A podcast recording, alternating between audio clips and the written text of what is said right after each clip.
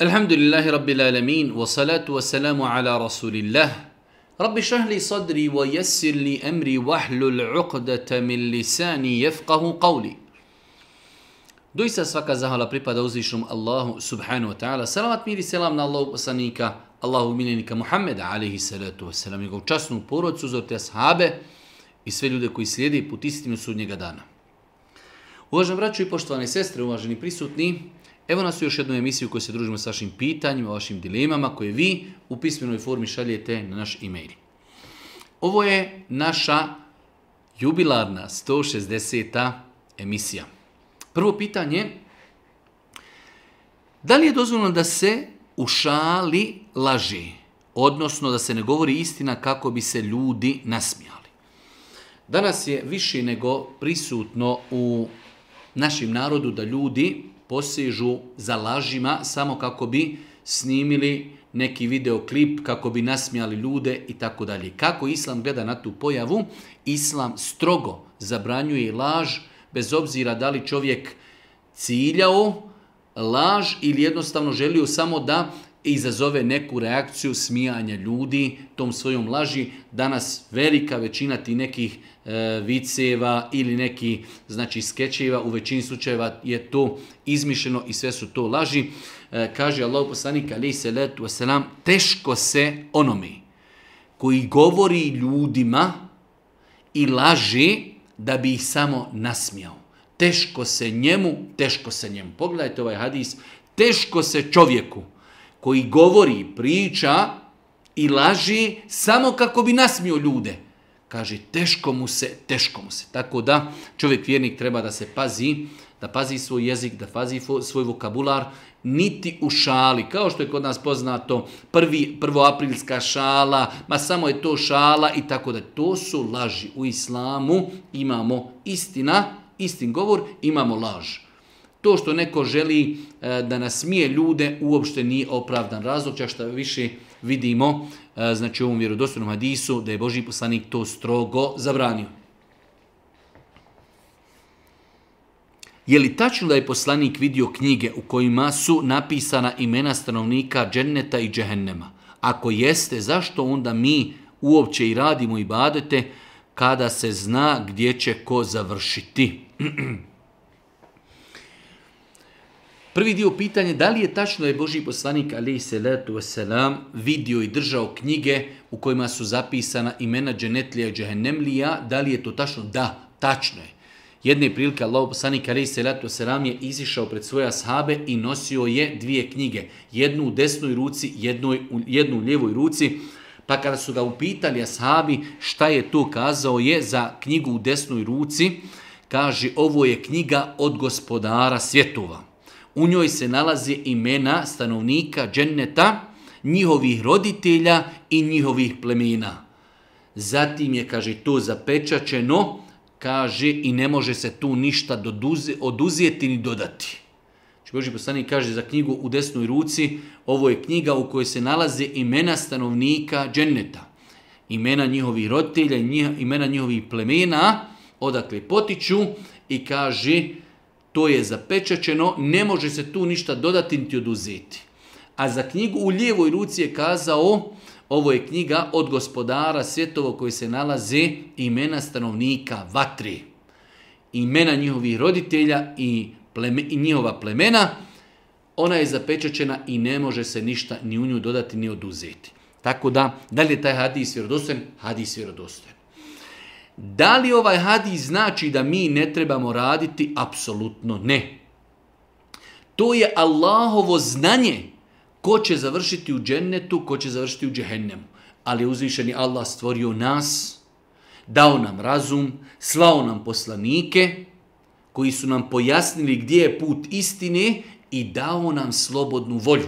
Svako od nas ima slobodnu volju, može ići u birtiju, a može ići u džamiju može koristiti svoj mozak i razum i pamet, pa shvatiti, skontati i prihvatiti da je Allah Žešanu gospodar zemlje i nebesa i da njemu robuje, a može insan ne koristiti svoj razum, pa ne doći do te spoznaje. Tako da Allah Žešanu je pravedan, stvorio nas je, obavezao nas je, stavio nas je u ovom dunjaloškom životu na ispit da vidi kako ćemo se mi ponašati, slao nam poslanike, dao nam razum da možemo razumjeti i dao nam slobodnu volju.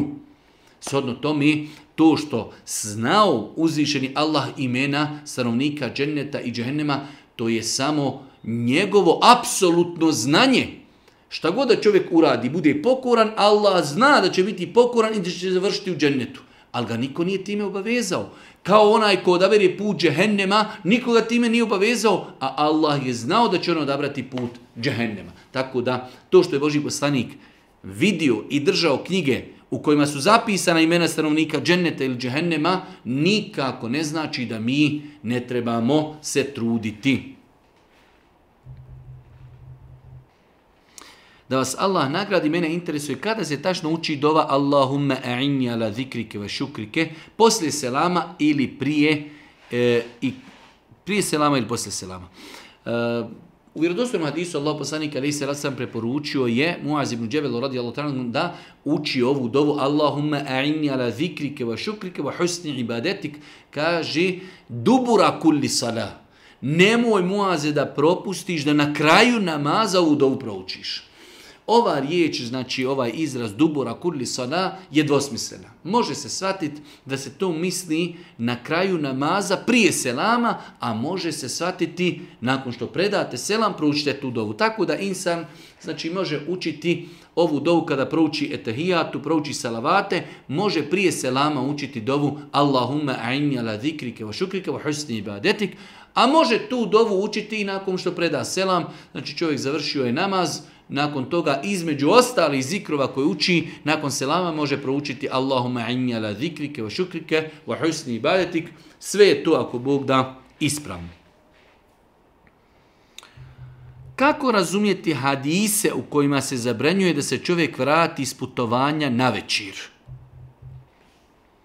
Imamo vjerodostojne hadise koji bilježi imam Buharija da je Allah poslanik se salatu wasalam zabranio da se čovjek vraća naveći s puta svojoj porodici. Možda velik broj ljudi nije čuo za takve hadise, u nekim predajama je pojašnjeno da je Allah poslanik želio time kako čovjek ne bi iznenadio svoju ženu i da bude nespremna e, izgledom, higijenom e, i mnogim drugim stvarima. Znači, je Boži poslanik e, razlog, nemojte dolaziti na najavljeni, kako žena koja čeka muža koji je dugo bio na putovanju ne bi bila nespremna da ga dočeka e, higijenski, da se istušira, da se iščešlja i tako dalje. Ta je, pitanje je kako danas razumjeti te hadise i da li se oni odnose na današnje vrijeme. Propis i dalje ostaje u slučaju kada žena ne bi znala kada će čovjek doći i u današnje vrijeme. Ali u današnjem slučaju ljudi imaju mobitele, e-mailove, SMS poruke i čovjek, žena zna kada će čovjek sletiti, kada će doći s aerodroma, nema znači sporno ništa u tome da čovjek naveći se vrati kući s putovanja. Ako njegova porodica zna da će doći, ako ne znaju, onda je bolje da čovjek ako može izorganizirati da se vrati kući po danu, jer po danu već Očekuje se dolazak, po danu su svi budni, e, žena ima vremena, hajde da kažemo, da se pripremi za čovjekov dolazak. Znači, rezime odgovora postoji vjerodostojna hadisa da je Božji poslanik zabranio da se čovjek s putovanja gdje je dugo bio odsutan, ovo je bitno staviti, dugo bio odsutan, da se ne vraća na veći. Pogledajte koliko Islam brine za porodicu, za ambijent, za harmoniju, kako ne bi došao i zatekao svoju suprugu u nekom stanju e, znači, s kojim on nije zadovoljan. Pa je pojašnjeno u na hadisima da Boži poslanik kazao kako bi se žena imala vremena i pripremiti, počešljati, pa čak spomenuo je Boži poslanik i uklonuti dlake sa stidnih dijelova tijela. Tako da i u današnje vrijeme propis ostaje ako poroca ne bi znala za čovjeku dolaz. Ali ako su u kontaktu, žena zna da će doći, čovjek makar to bilo u pola noći, čovjek dolazi, ali žena zna, očekuje ga, pripremila je se, znači razlog zbog kojeg je Boži poslanik zabranio ne postoji, iz toga može čovjek da e, u sadašnjem e, vremenu, znači da se vrati svoje poroci iz putovanja i na veći. Možete li spomenuti kako je propisano da se nazdravi osobi koja kihne? Nažalost, velik broj ljudi muslimana primjetno je da ne znaju e, kodeks ponašanja prilikom kihanja, pa ćemo čuti kad neko kihne, ljudi kažu nazdravlje i tako dalje. Sama ta izjava nazdravlje nije uopšte, znači, ajde kažemo, sporna, ali mi imamo e, kodeks kojim nas je podučio Boži poslanik u vjerodostojnim hadisima u islamu kada insan kihne, njemu je propisano, kaže, elhamdulillah, hvala uzvišnom Allahu. Zbog ovog kihanja, sad da ne govorimo e, što je danas nauka došla do određenih otkrića, zašto čovjek kaže elhamdulillah, ali mi se ne osvrćemo plavo na to, koliko se osvrćemo na vjerodostojan nadize, da rekao, kada insan ka, kihni, treba da kaže elhamdulillah.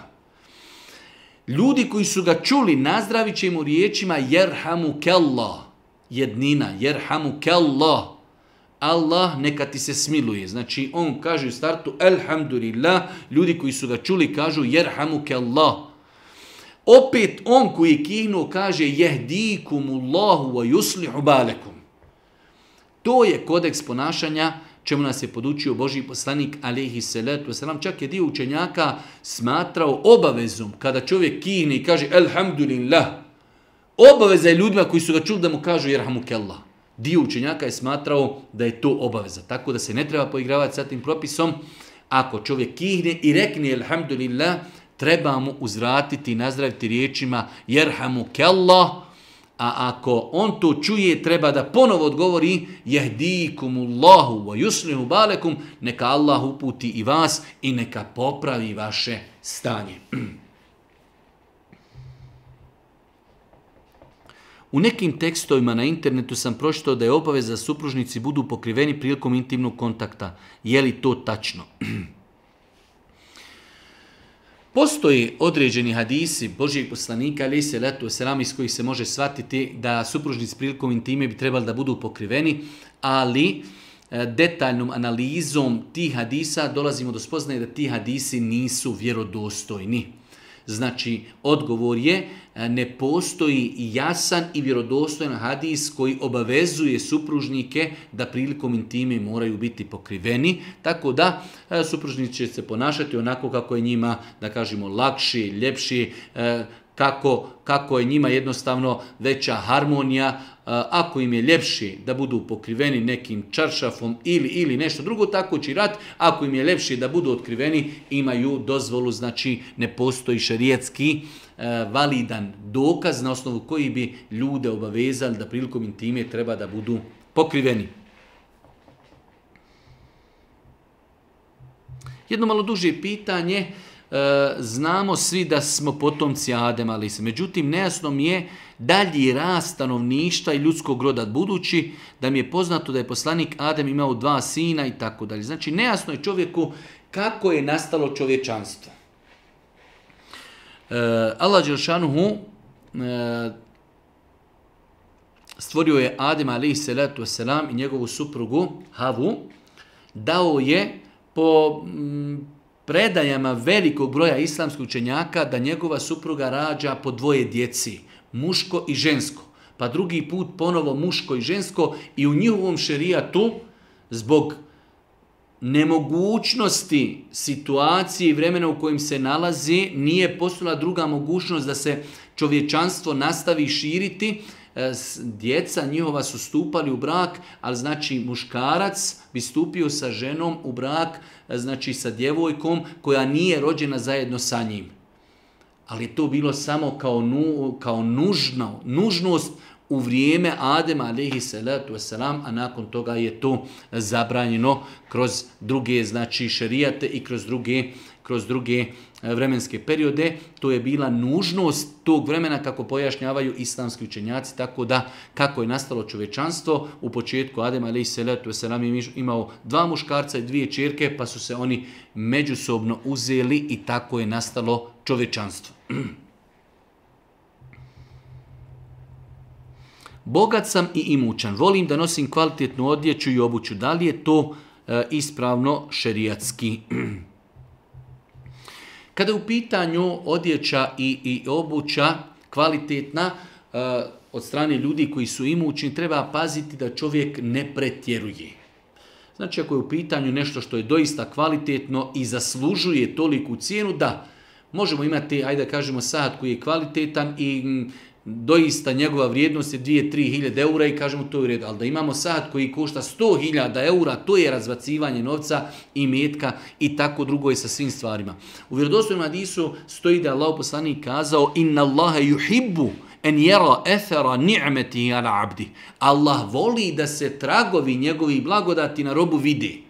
Čako Allah Đelšanu nekom je podario i metak, ne treba takav insan da hoda pocijepan, da ga ljudi sažaljivaju, Allah mu dao.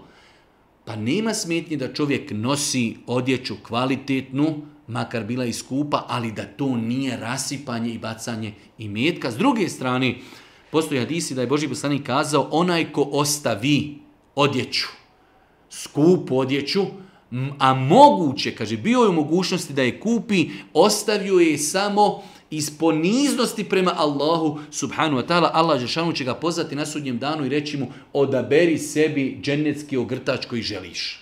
Znači imamo s jedne strane da vjernik ne treba pretjerivati, ne treba rasipati metak, nema smetnje da vjernik nosi kvalitetnu, dobru odjeću, pogotovo ljudi koji su imućni, ali isto tako znači insan koji bi toliko savladao eh, i svoj ego i savladao svoj nefs i svoje protjeve, da iako je imućan nosio bi neku, da kažemo, skromnu odjeću, došlo u ovom hadisu da kaže insan koji ostavi skupocjenu odjeću, a mogao je da nosi skupocjenu odjeću, ostavi to radi Allaha iz poniznosti prema Allahu, Allah će ga prozvati na sudnjem danu da odabere sebi koji god hoće dženecki ogrtač. Rezime je imućni ljudi mogu i nema ništa sporno da se na njima vide tragovi Allahovih nijameta. Na njima da nose kvalitetnu odjeću, e, skupu odjeću, ali da to ne bude pretjerivanje i rasipanje jer znamo e, mnoge argumente e, u kojima se zabranjuje rasipništvo. Koje sure bi vi preporučili da se uče kada sebi učimo rukju? Mi smo više odgovora spomenuli da kada u pitanju učenje ruke da je najbolje da ljudi sami sebi uči rukju. Čak za vrijeme Božih poslanika, ali se leto sram, nisu postojali ljudi čija struka je bila učenje ruke.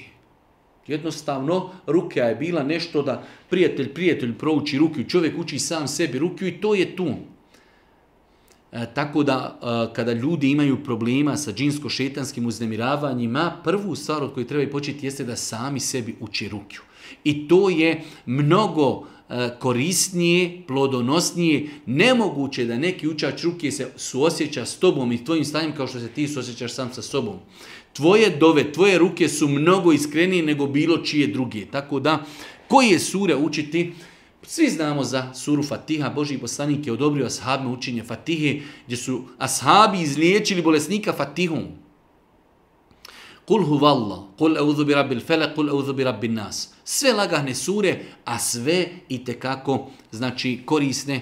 Ajetul kursi također. Znači kada bi čovjek učio ovih pet stvari, e, znači sebi kao rukju sigurno napravio veliki hajr da uči Fatihu, da uči kul huvallah, kul euzu bi rabbil felak, kul euzu bi nas i ajatul kursi. A 99% muslimana u svijetu poznaje ove znači sure i ajete i to je ako Bog da više nego dovoljno da čovjek uči sam sebi rukju. Čuo sam da je pokuđeno na sjelu samo da se priča o Dunjalku i da se nikako ne spominje Allah. Je li to tačno? Generalno, vjernik bi trebao u životu, makar i kada priča o Dunjaluku, da opet sve to gleda kroz prizmu vjeri, da se poziva na dokaz, da se poziva na Allaha, na hadise Božih poslanika, da se veliča Allah, da se spominje Božji poslanik alihi salatu wasalam. Imamo vjerodostan hadis da je Božji poslanik kazao neće se nikada desiti da jedni ljudi sjedi u jednom sjelu, a nisu Allaha nikako spomenuli, niti veličali, niti su donosili salavat na Božih poslanika, a da, kaže, se neće pokajati zbog toga i da neće žaliti za tim sjelom, Allah ono ako želi, kaže, oprostit će im tu na sudnjem danu, a ako hoće, kaznit će ih. Samim činom da Allah može zbog toga kazniti, to ukazuje da to nije dobro. Tako da vjernici i kad sjede u redu je da pet minuta pričamo i o mobitelima i da pričamo o autima i da pričamo o političkoj situaciji, ali treba da opet naš razgovor bude rekao je uzvišeni Allah, Boži poslanik ali selam je kazao to i to. Jednostavno da naši međusobni razgovori budu protkani ajetima, propisima, hadisima, govorom islamskih učenjaka, i na taj način ćemo ako Bog da postići veliki hajr, a i sačuvati se ove prijetnje u kojoj stoji da ljudi koji budu imali sjela na kojima nisu spominjali Allaha Đeršanu, ili će im Allah oprostiti, ali kaže možda će ih kazniti. Pa insan treba da sebi uvede da naša sjela budu bez obzira što u njima moramo pričati i o kućama, i o autima, i o mobitelima, ali da to bude protkano hadisima, da bude protkano i ajetima, spominjanjem sunneta, spominjanjem propisa, spominjanjem ajeta, veličanjem Allaha, mašallah, subhanallah, elhamdulillah, Allahu ekber. Boži poslanik u jednom mjeđlisu, u jednom sjelu bi znao po 70 do 100 puta kazati estagfirullah, estagfirullah. Sjedi sa svojima sahabima, stotinu puta mu oni nabroje da je kazao estagfirullah za vrijeme jednog, jednog samo sjela. Je li tačno da postoji dova koju insan ako kaže nakon što se preni iz sna, a potom da nešto zadovi i traži da će mu dova biti uslišana? Znači, da li je tačno da postoji dova koju čovjek treba da kaže nakon što se probudi iz sna u toku noći, prevrće se, i da će mu nakon te dove njegova dova biti uslišana. Da li je to tačno? Da, tačno je. Imamo vjerodostojan hadis da je Boži poslanik ali se kazao ko se, kaže, u toku noći bude prevrtao i budio. Pa kaže sljedeći zikr La ilaha illa Allah wahdahu la sharika la mulku wa lahul hamdu wa huwa ala kulli Ovaj prvi dio nam je veoma lahko zapam. Znači čovjek se u toku noći u dva sata, u tri sata prevrči se, probudio se. Treba da prouči ovaj zikr. La ilaha illallah wahdahu la šerike la mulku wa alhamdu wa huwa ala kulli še'in qadir. Elhamdulillah wa subhanallah wa la ilaha illallah wallahu akbar wa la hawla wa la illa billah. Kaže Boži ako nakon toga kaže estagfirullah, ili uputi dovu, Allah će mu uslišati dovu. ako, kaže, bude usto i abdis i uklanju namaz, Allah će mu primiti taj namaz. Tako da je lijepo i pohvalno čovjeka kada se naveće, E, probudi, preni i sna, nešto je loše sanjao, da znači prouči ovu dovu La ilaha illallah wahdehu la šerike la ilahul mulku wa la hamdu wa hu ala kulli še'in qadir alhamdulillah, subhanallah, wa la ilaha illallah, wallahu ekber, wa la hawla wa la kuvata illa billah. Pet rečenica, kaže Boži poslanik, ako nakon toga kaže gfir gfirli, gospodaru prosti mi, ako bude dovio, Allah će mu uslišati njegove dove koje je kazao nakon ovog zikru Laha. Šta je propisano da insan uradi ako vidi loše snove? Kada su u pitanju snovi, znamo da se snovi dijeli u nekoliko kategorija. Između ostalog, čovjek može vidjeti loše snove, nešto što će ga uznemiriti, E, šta čovjek da uradi u takvim situacijama? Prva stvar čovjeka koji se probudio nakon loših snova treba proučiti euzu. Euzbillah im nešetan rađim, im nešetan rađim.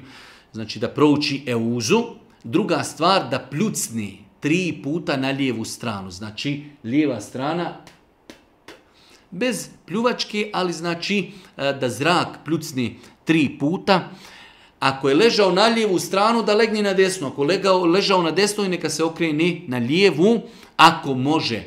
Nakon što je vidio loš san, da ustane da klanja dva rekiata i da taj san kojeg je lošeg vidio ne priča nikome. To su znači stvari koje čovjek vjernik treba da zna kada vidi loše snove. Znači, kada se probudi, potegnut će euzu, euzu billahi mine šeitan rađim, znači da potegne uzu, da se utječe Allah Đelšanu od prokletog šetanga, da pljucne tri puta na lijevu stranu, da promijene stranu na koju je ležao, ako bi ustao klanjao dva rekiata, dobro bi postupio i taj san neće nikome pričati. Na nekim web portalima sam vidio da ljudi po lošim spominju Muaviju radi Allahu anhu jer je on imao sukobe i nesuglasice sa Alijom. Kako bi vjernik trebao da se ponaša naspram tih događaja? Nažalost, tačna je ova konstatacija da ima na internetu stranica koje Muaviju radi Allahu a sahaba Božeg poslanika spominju po zlu zato što on ima određene e, znači nesuglasice sa Alijom radi Allahu anhu. Prva stvar pravilo je da mi u današnje vrijeme ashabe Božijeg poslanika možemo i smijemo samo spominjati po dobru. Božji poslanik kaže, kada se spomenu moji ashabi, šutite, šutite, nemojte ništa loše govoriti. U drugom eh, hadisu kaže, nemojte vrijeđati i psovati moje ashabe. To je jedna stvar. Znači, zabrajno je vrijeđati i psovati ashabe. Druga stvar, sam Muavija radijallahu ta'ala bio jedan od odabranih ashaba. Jedan od odabranih ashaba bio je pisar Božijim poslanikom. Pazite, od toliko hiljada ashaba Božiji poslanik je Muaviju odabro da bude njegov pisar. Imamo vjerodostojne hadise da je Allah poslanik posebne dove upućivao za Muaviju radijallahu ta'ala. Tako da Moavija ima posebnosti. Ne da ga ne smijemo, da kažemo, vrijeđati. Njega treba spominjati po hajru i po e, posebnostima koje je Boži poslanik iskazao o njemu. A kada je u pitanju dešavanja između ashaba, treba znati da su oni bili na stepenu ičtihada. Jednostavno, pokušavali su da dođu do istine. U sukoba između Alije i Moavije, definitivno, shodno disma Božih poslanika, Alija je bio u pravu. Ali to nikako nam ne daje za pravo da vrijeđamo i psujemo Muaviju radi Allahu ta'ala anhu kao kada spomenemo bilo kojeg drugoga ashaba i Muaviju kada spomenemo moramo reći radi Allahu anhu molimo Allaha da bude sa njim zadovoljan. Moramo ga voliti, ne smijemo u svojim prsima imati trun zlobe prema Muaviji. Bio je pisar Božih poslanika, Božih poslanik za njega, alihi salatu wasalam, dovio. Esselamu alaikum, šeh imam pitanje u vezi korištenja svinske masti. Da li se smije mazati na tijelo zbog određenih zdravstvenih problema? Kada u pitanju korištenje svinske masti, velik broj ljudi ne pravi razliku između konzumiranja mesa, jedenja, svinjetine i vanjskog korištenja. Ono što je nama islam zabranio jeste jedenje svinjetine. U osnovi jeste svinjetina, jeste i nečista. Ali ako su određene preparate neko drugi mimo muslimana stavi svinjetinu i dokaže se da ta krema ili taj lijek liječi, ali vanjskim korištenjem, nema smetje da to muslimani koriste, svakako da će koristiti u periodu između namaza ili nakon što klanjaju jaciju pa do sabaha, a kada nastupi namasko vrijeme moraju to oprati pošto svinska mast je nečista. Tako da znači E, određen broj ljudi kada čuju za propis da je dozvoljeno koristiti određene krijeme u kojima ima svinske masti, ljudi kažu pa zar nije Allah Đošanu zabranio u Kur'anu? U Kur'anu je zabranjeno da jedemo svinsku misu. A ako neko proizvede kremu u koju ima svinske masti i dokaže se praktično da ona koristi, dozvoljeno muslimanima da to koriste, ali treba da znaju da, da u tome ima neđaseta, nečistoći i moraju to oprati kada budu htjeli klanjati namaz. Esselamu alaikum, da li je dozvan učiti Kur'an bez abdesta u slučaju da to učenje nije iz ibadeta, nego zato što moramo odgovarati kirajet u školi? Da li je znači dozvan učiti Kur'an bez abdesta, jer mi to ne učimo kao ibadet, to je kao ispit. U osnovi ja se ne bi složio da učenje za ispit nije ibadet. Boži poslanik ali vam kaže ko prouči harf iz Allahove knjige, on ima za to nagradu.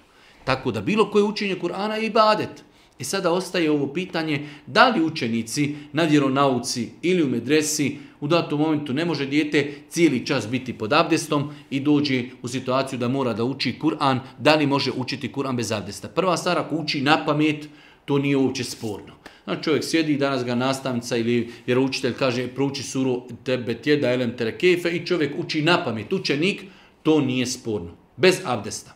Ostaje moment ako postoji kirajet, predmet gdje mi moramo iz mushafa nešto što nijemo abdest, nadam se e, znači e, u više svojih odgovora i predavanja tribina sam spomenuo da nije mi poznat vjerodostojan i jasan argument na osnovu kojeg bi ljude obavezivali da moraju imati abdest prilikom učenja Kur'ana. Pogotovo u vanrednim situacijama kada je u pitanju znači, učenik, škola, časovi, e, vanredne situacije. U takvim situacijama duboko, duboko se nadamo da nije sporno da učenici uče Kur'an, pa makar i dodirujući mushaf iz mushafa bez abdesta.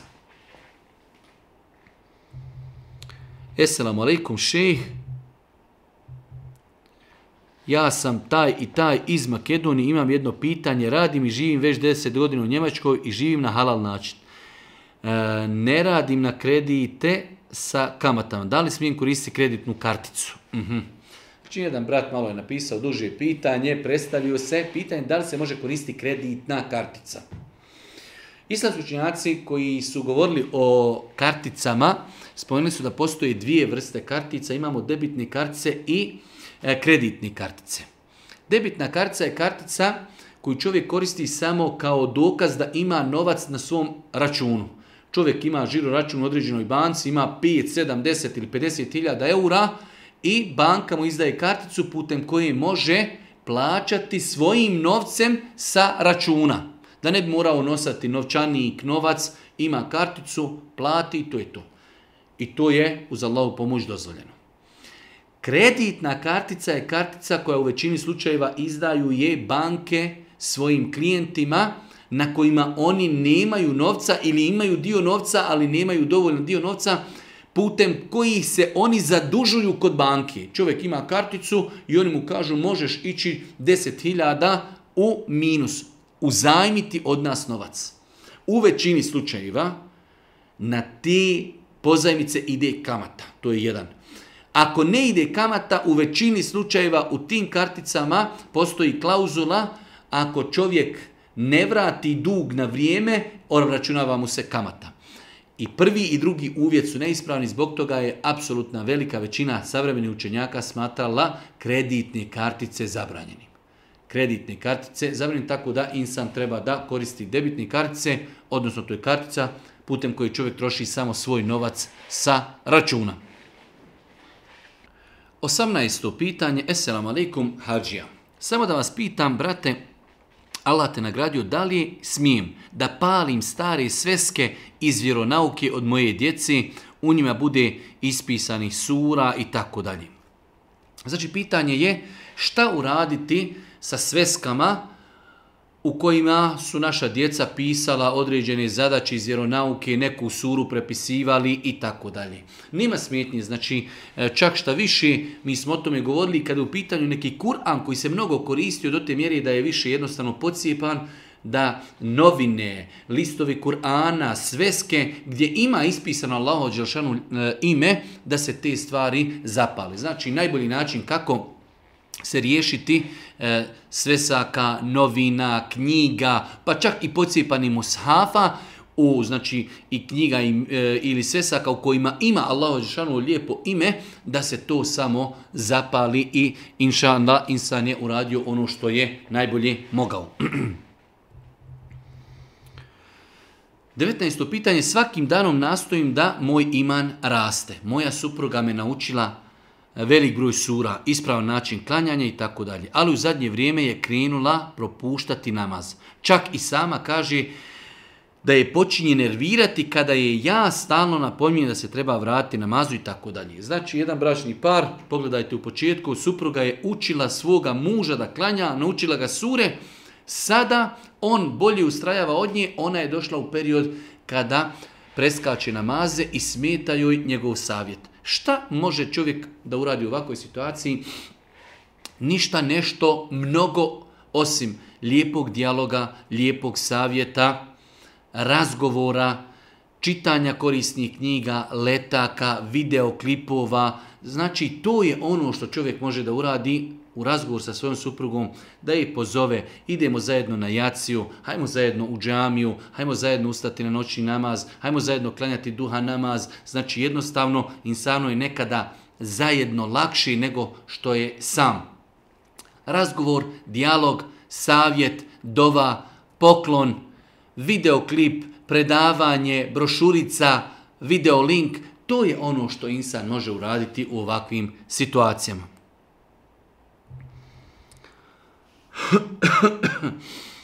Već više od godinu dana se liječim šerijatskom ljukom, praktikujem sve i tako dalje. U svakom slučaju čovjek na kraju kaže e, zanima me da li sebi mogu ponekada olakšati da popijem određene tablete za smirenje. Znači čovjek se godinama liječi e, od džinsko-šetanskog djelovanja i jednostavno u datom momentu se umori znači od tih silnih reakcija, pa može li nekada popiti određenu tabletu za smirenje, ne vidim ništa sporno u tome da čovjek usaglasno sa svojim e, liječnikom, doktorom se konsultuje da mu propiše određene tablete za smirenje u kojima će se jednostavno čovjek u datom momentu malo opustiti, e, E, od svih tih nekih napada i pritisaka i, i izazov iskušenja, da čovjek popije određene neke tablete, znači za smirenje, ne vidim u tome ništa ako Bog da sporno, ako zatim postoji doista opravdana potreba. Živim više od godinu dana u Njemačkoj i do sada sam praktikovao da kupujem meso samo u turskim prodancama i na mesu koji stoji naljepnica halal ali ne znamo porijeklo tog mesa. Da li smijemo kupovati meso u turskim marketima na kojima stoji naljepnica halal?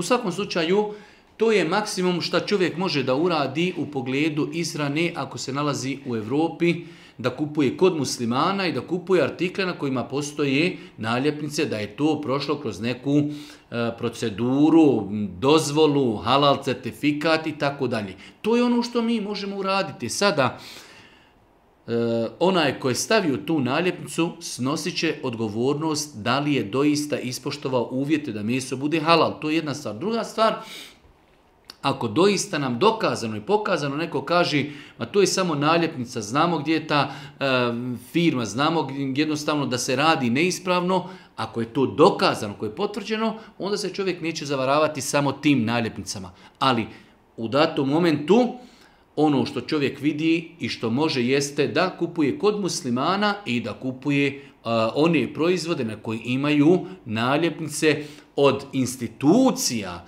od organizacija koje su prihvatljive, koje možemo nazvati, koje možemo kontaktirati, na čijem web sajtu možemo provjeriti da li su oni dali halal certifikat za određeni mesni proizvod. Ako se ispostavi da postoji institucija koja je znači regularna ozbiljna, ima website gdje mi možemo provjeriti da ti mesni proizvodi koje mi kupujemo, oni su ih odobrili, to je ako Bog da ono što mi možemo u datom momentu uraditi. Jedno malo duže pitanje, dao sam prijatelju u zajam određenu svotu novca prije skoro dvije godine. Količina novca koju sam mu pozajmio prelazi visinu nisaba. On mi taj novac još nije vratio, a samim time je i prekršio dogovor rok za vraćanje duga, a sada više nisam siguran ni kada će mi ga vratiti. Pitanje je da li je čovjeku obaveza da izdvaja zekijat na taj novac. Znači imamo čovjeka, primjer radi nisab je 10.000, on je drugom insanu dao 10.000 maraka u dug. Već dvije godine čovjek ne vraća dug i pitanje hoćemo li ga ikada i vratiti. Da li on kao vlasnik novca treba da na taj zekat i dalje daje, e, da li na taj novac daje zekat, ne treba. Znači, jednostavno taj novac u osnovi kao da sada trenutno ne postoji. Čovjek imao novac i dao ga nekome. Taj nekoga sada nema, potrošio. Zašto i čime, zbog čega obavezivati nekog vlasnika novca da daje zekijata novac, a možda nikad u životu neće vidjeti taj novac. Pa su kazali islamski učenjaci u situacijama kada dužnik je u teškoj situaciji i ne može vratiti ili izbjegava vratiti, ne želi, insan, će, vlasnik novca, sačekati povratak novca njemu, ako ga dobije, od tada počinje ponovo računati pregodinjavanje. Ako bi izdvojio zekijat za jednu samo godinu, ako Bog da, to je kao neka predostrožnost, ali nije obaveza. Znači, ako imamo dužnika koji nam nije vratio novac, a taj novac prelazi nisab, kada dobijemo od njega taj novac, ako ga i kad dobijemo, počinjemo tog dana brojati pregodinjavanje. Kada prođe godina od momenta kad smo uzeli novac, tada dajemo zekat. Dio učenjaka je kazao iz neke predostrožnosti, onog momenta kada dobiješ zekat, izdvoji na njega zekat za jednu godinu.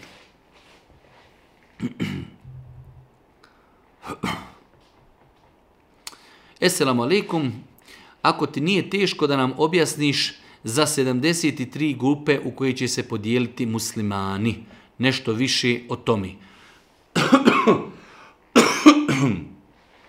Postoje vjerodostojni hadisi da je Allah poslanik Ali se ratu sram nagovijestio i kazao e, židovi su se podijelili u 71 frakciju, kršćani u 72, a Boži poslanik je kazao moj umet toliko će se razdijeliti da će se podijeliti u 73 frakcije.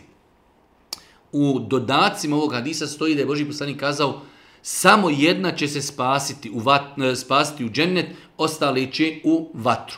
Pa su pitali ashabi, a ko je ta koja će se spasiti? Allah pa je kazao, to je ono na čemu sam ja i moji ashabi, a u jednom drugom rivajtu rekao, to je ono na čemu je džema'a, na čemu je džemat muslimana, taj džemat koji je zasnovan na sunetu Božih poslanika, ali i seletu selam. Znači u jednom hadisu je rekao džemat, u drugom je kazao ono na čemu sam ja i moji eh, ashabi, džemat koji je znači zasnovan na sunetu Božih poslanika, ali i seletu selam. Šta možemo kazati u ovom hadisu? Ovaj hadis je vjerodostojan. Boži poslanik je spomenu, ukazao da su se prijašnji narodi cijepali, dijelili, židovi se podijelili na 71 frakciju, kršćane 72, muslimani će se toliko iscijepati da će prestići i židove i kršćane će se podijeliti u 73 frakcije, sve će u vatru, a jedna će u džennet. Koja će u džennet? To su oni koji budu slijedili Allahu poslanika alaihi salatu wasalam i njegove ashabe. Ovdje je riječ svi će u vatru. Ne mora značiti da će e, ostati vječno u vatru, jer u, vatri, zato što Boži poslanik ovdje kazao da su to umet, muslimani koji će se podijeliti. Pa oni muslimani koji pri sebi budu ima, imaju pri sebi teuhid, monoteizam, ali budu griješnici, budu imali pri sebi novotarija, možda će zbog toga biti kažnjeni, nakon toga vraćeni u džennet. Tako da Ibn Baz, rahmetullah, kada je komentar za ovaj hadis, kazao je da kaže u tih 73 skupine, odnosno 72 mimo ove skupine koja će biti spašena, ima među njima, kaže, i nevjernika, ima među njima i licemjera, ima među njima i griješnika, ima među njima i novotara. Tako da, znači, u tih 72 skupine ima različiti frakcija, shodno znači težini njihovog grijeha, njihovog dalaleta, njihovog novotarije, bit će kažnjeni na sudnjem danu pod uvjetom da nisu uradili djelo koje izvodi iz islama, samim time, znači sami su sebi zapečatili vječnost. Tako da hadis o podjeli umeta i vjerodostojan,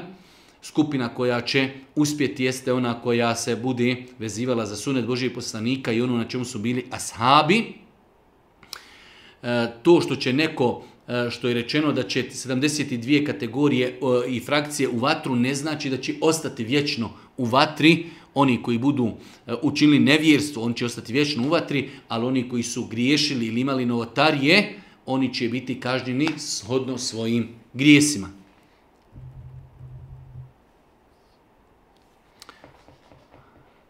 Pošto je moj sin malen, ja polako pripremam plan obuke vjerskih propisa, kod kući kada dođem sa posla. E sada, da li mogu učiti dijete kako se klanja namaz od ikindije do akšama?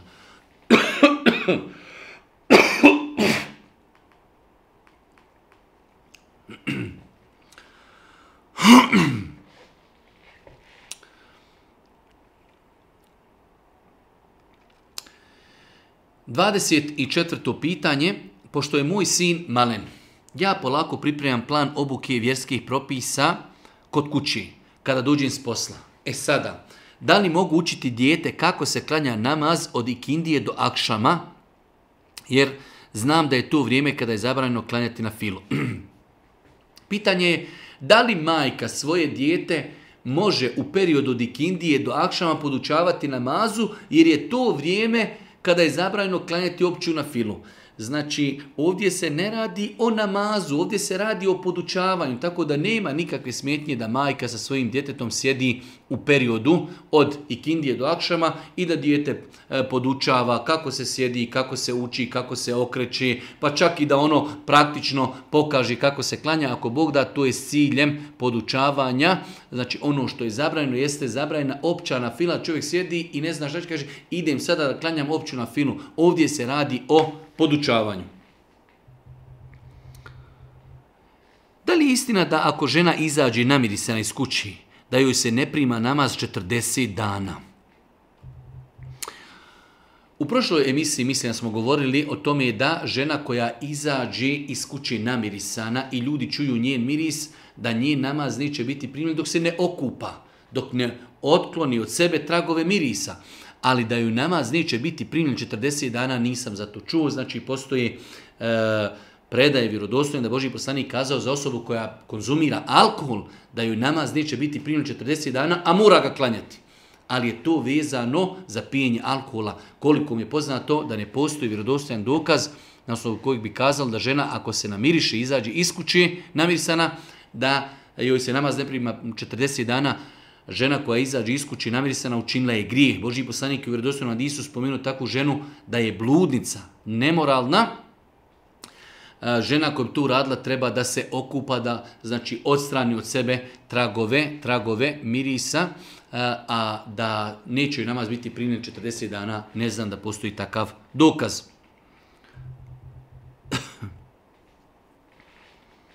Da li mi je grijeh objaviti sliku ženskog člana porodce na kojoj ne nosi maramu, a pristojno je obučena? Znači, da li neka žena može objaviti sliku druge žene koja nije šerijetski ispravno pokrivena. Definitivno da treba izbjegavati takve stvari. Mi kada objavimo sliku ženi koja nije šerijetski pokrivena, mi smo bili razlogom da drugi ljudi vide tu ženu otkrivenu. Žena znači je otkrivena, vide se njeni avreti i mi promovišemo i drugim ljudima omogućavamo da vide tu ženu bez marame. Definitivno da žena vjernica treba izbjegavati takvi stvari. Naime, vjerovanje kažu da ako djevojka pokloni sat momku ili on njoj, slijedi im raskid. Sat predstavlja odbrojavanje vremena do raskida i tako dalje. Da li to ima utemeljenje u islamu? Da li ima utemeljenje u islamu da znači djevojka ne može poklonuti svome momku sahat ili momak djevojci. Mi ne želimo sada da govorimo ovdje o terminima momak i djevojka. Mi ćemo to uzeti u terminu šerijatskom. Čovjek znači ima ozbiljnu namjeru sa djevojkom, došao je prosi, hoće da je uzme za, za suprugu, da li on njoj može da pokloni sat ili ona njemu? Apsolutno da, znači to je e, ništa drugo osim znači je nešto za što nema nikakvih dokaza, odbrojavanje vremena. Svima nama se vrijeme odbrojava od momenta kada smo se rodili, tako da smatrati E, neispravnim kupovinu sata i da to znači neko odbrojavanje vremena i da će se e, djevojka ili momak koji žele da se uzmu, da će se razići, to nema nikakvog utemeljenja kako islamu, tako isto to razum odbija.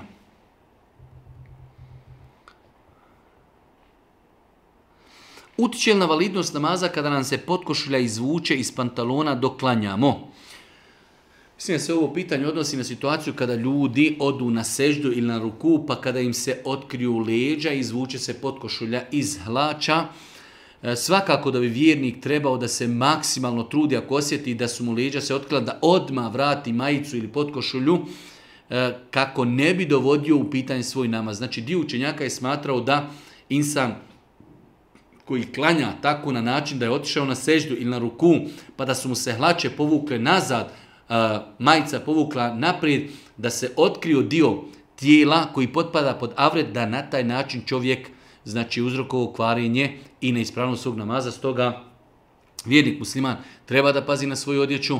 Ako bi se eventualno to i desilo, treba požuriti brzo, brzo da znači vrati odjeću znači ulače, kako taj period ne bi dugo trajao, ali ako svjesno zna da smo leđa otkrivena i ustraje u tome leđa i dio svakako dio znači avreta, e, po dijelu učenjaka na taj način je čovjek uzrokovao e, znači e, neispravnost svog namaza.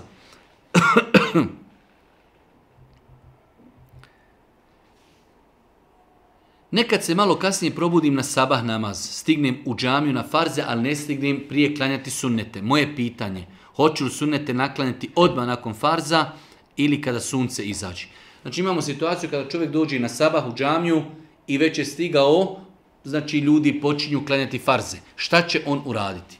Kada dođemo u džamiju, a nismo klanjali sunnete, mi ćemo se priključiti džematu i klanjati farze. Kada završimo farze, možemo nakon zikra i klanjati sunnete ali je bolji.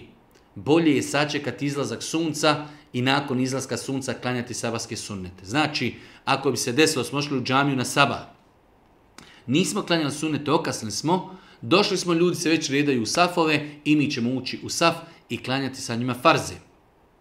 Nakon toga imamo dvije opcije, ili da odmah nakon farza, nakon zikra, klanjamo sunnete ili da odgodimo klanjanje sunneta do izlaska sunca, bolje je odgoditi klanjanje sunneta na klanjavanje do izlaska sunca. Halal, ako omjetam, nisam siguran da li mogu da šaljem pitanje tako dalje. Živim u Americi, e, čerka je se udala, ne mogu odlučiti koje prijezime da uzmu. u svakom slučaju, u dosta naših odgovora smo kazali da žena prilikom udaje treba da ostavi samo svoje prezime. Muž ostaje na svom prezimenu, žena ostaje na svom prezimenu. U našem podneblju prezime označava porijeklo čovjekovo. Ne može žena preko noći izgubiti jedno porijeklo i postati drugo prezime drugog porijekla, tako da ostaje opcija da žena ostane e, znači, na svom ili pod svojim prezmenom, a čovjek svakako na svome prizmenu. Posljednje pitanje, 32. pitanje. Imam ravne tabane i deformisane noge. Od njih to jeste ne mogu saviti prste i sjediti na sjedinju kako treba to jeste na lijevu nogu, dok desni, e, desnoj prsti su podvijeni prema kibli i tako da.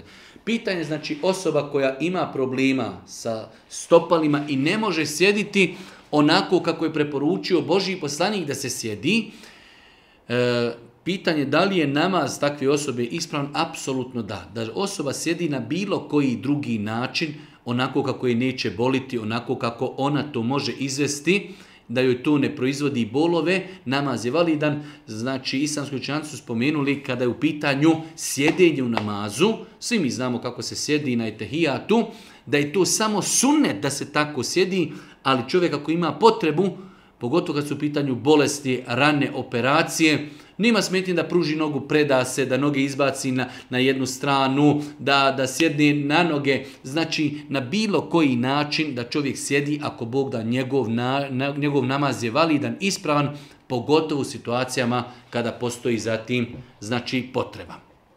Molim Allah subhanahu wa da nam podari korisno znanje. Molim vas subhanahu wa da nam bude milostiv na sudnjem danu. Na kraju da Allahumma bihamdike, šedun la وأتوب إليك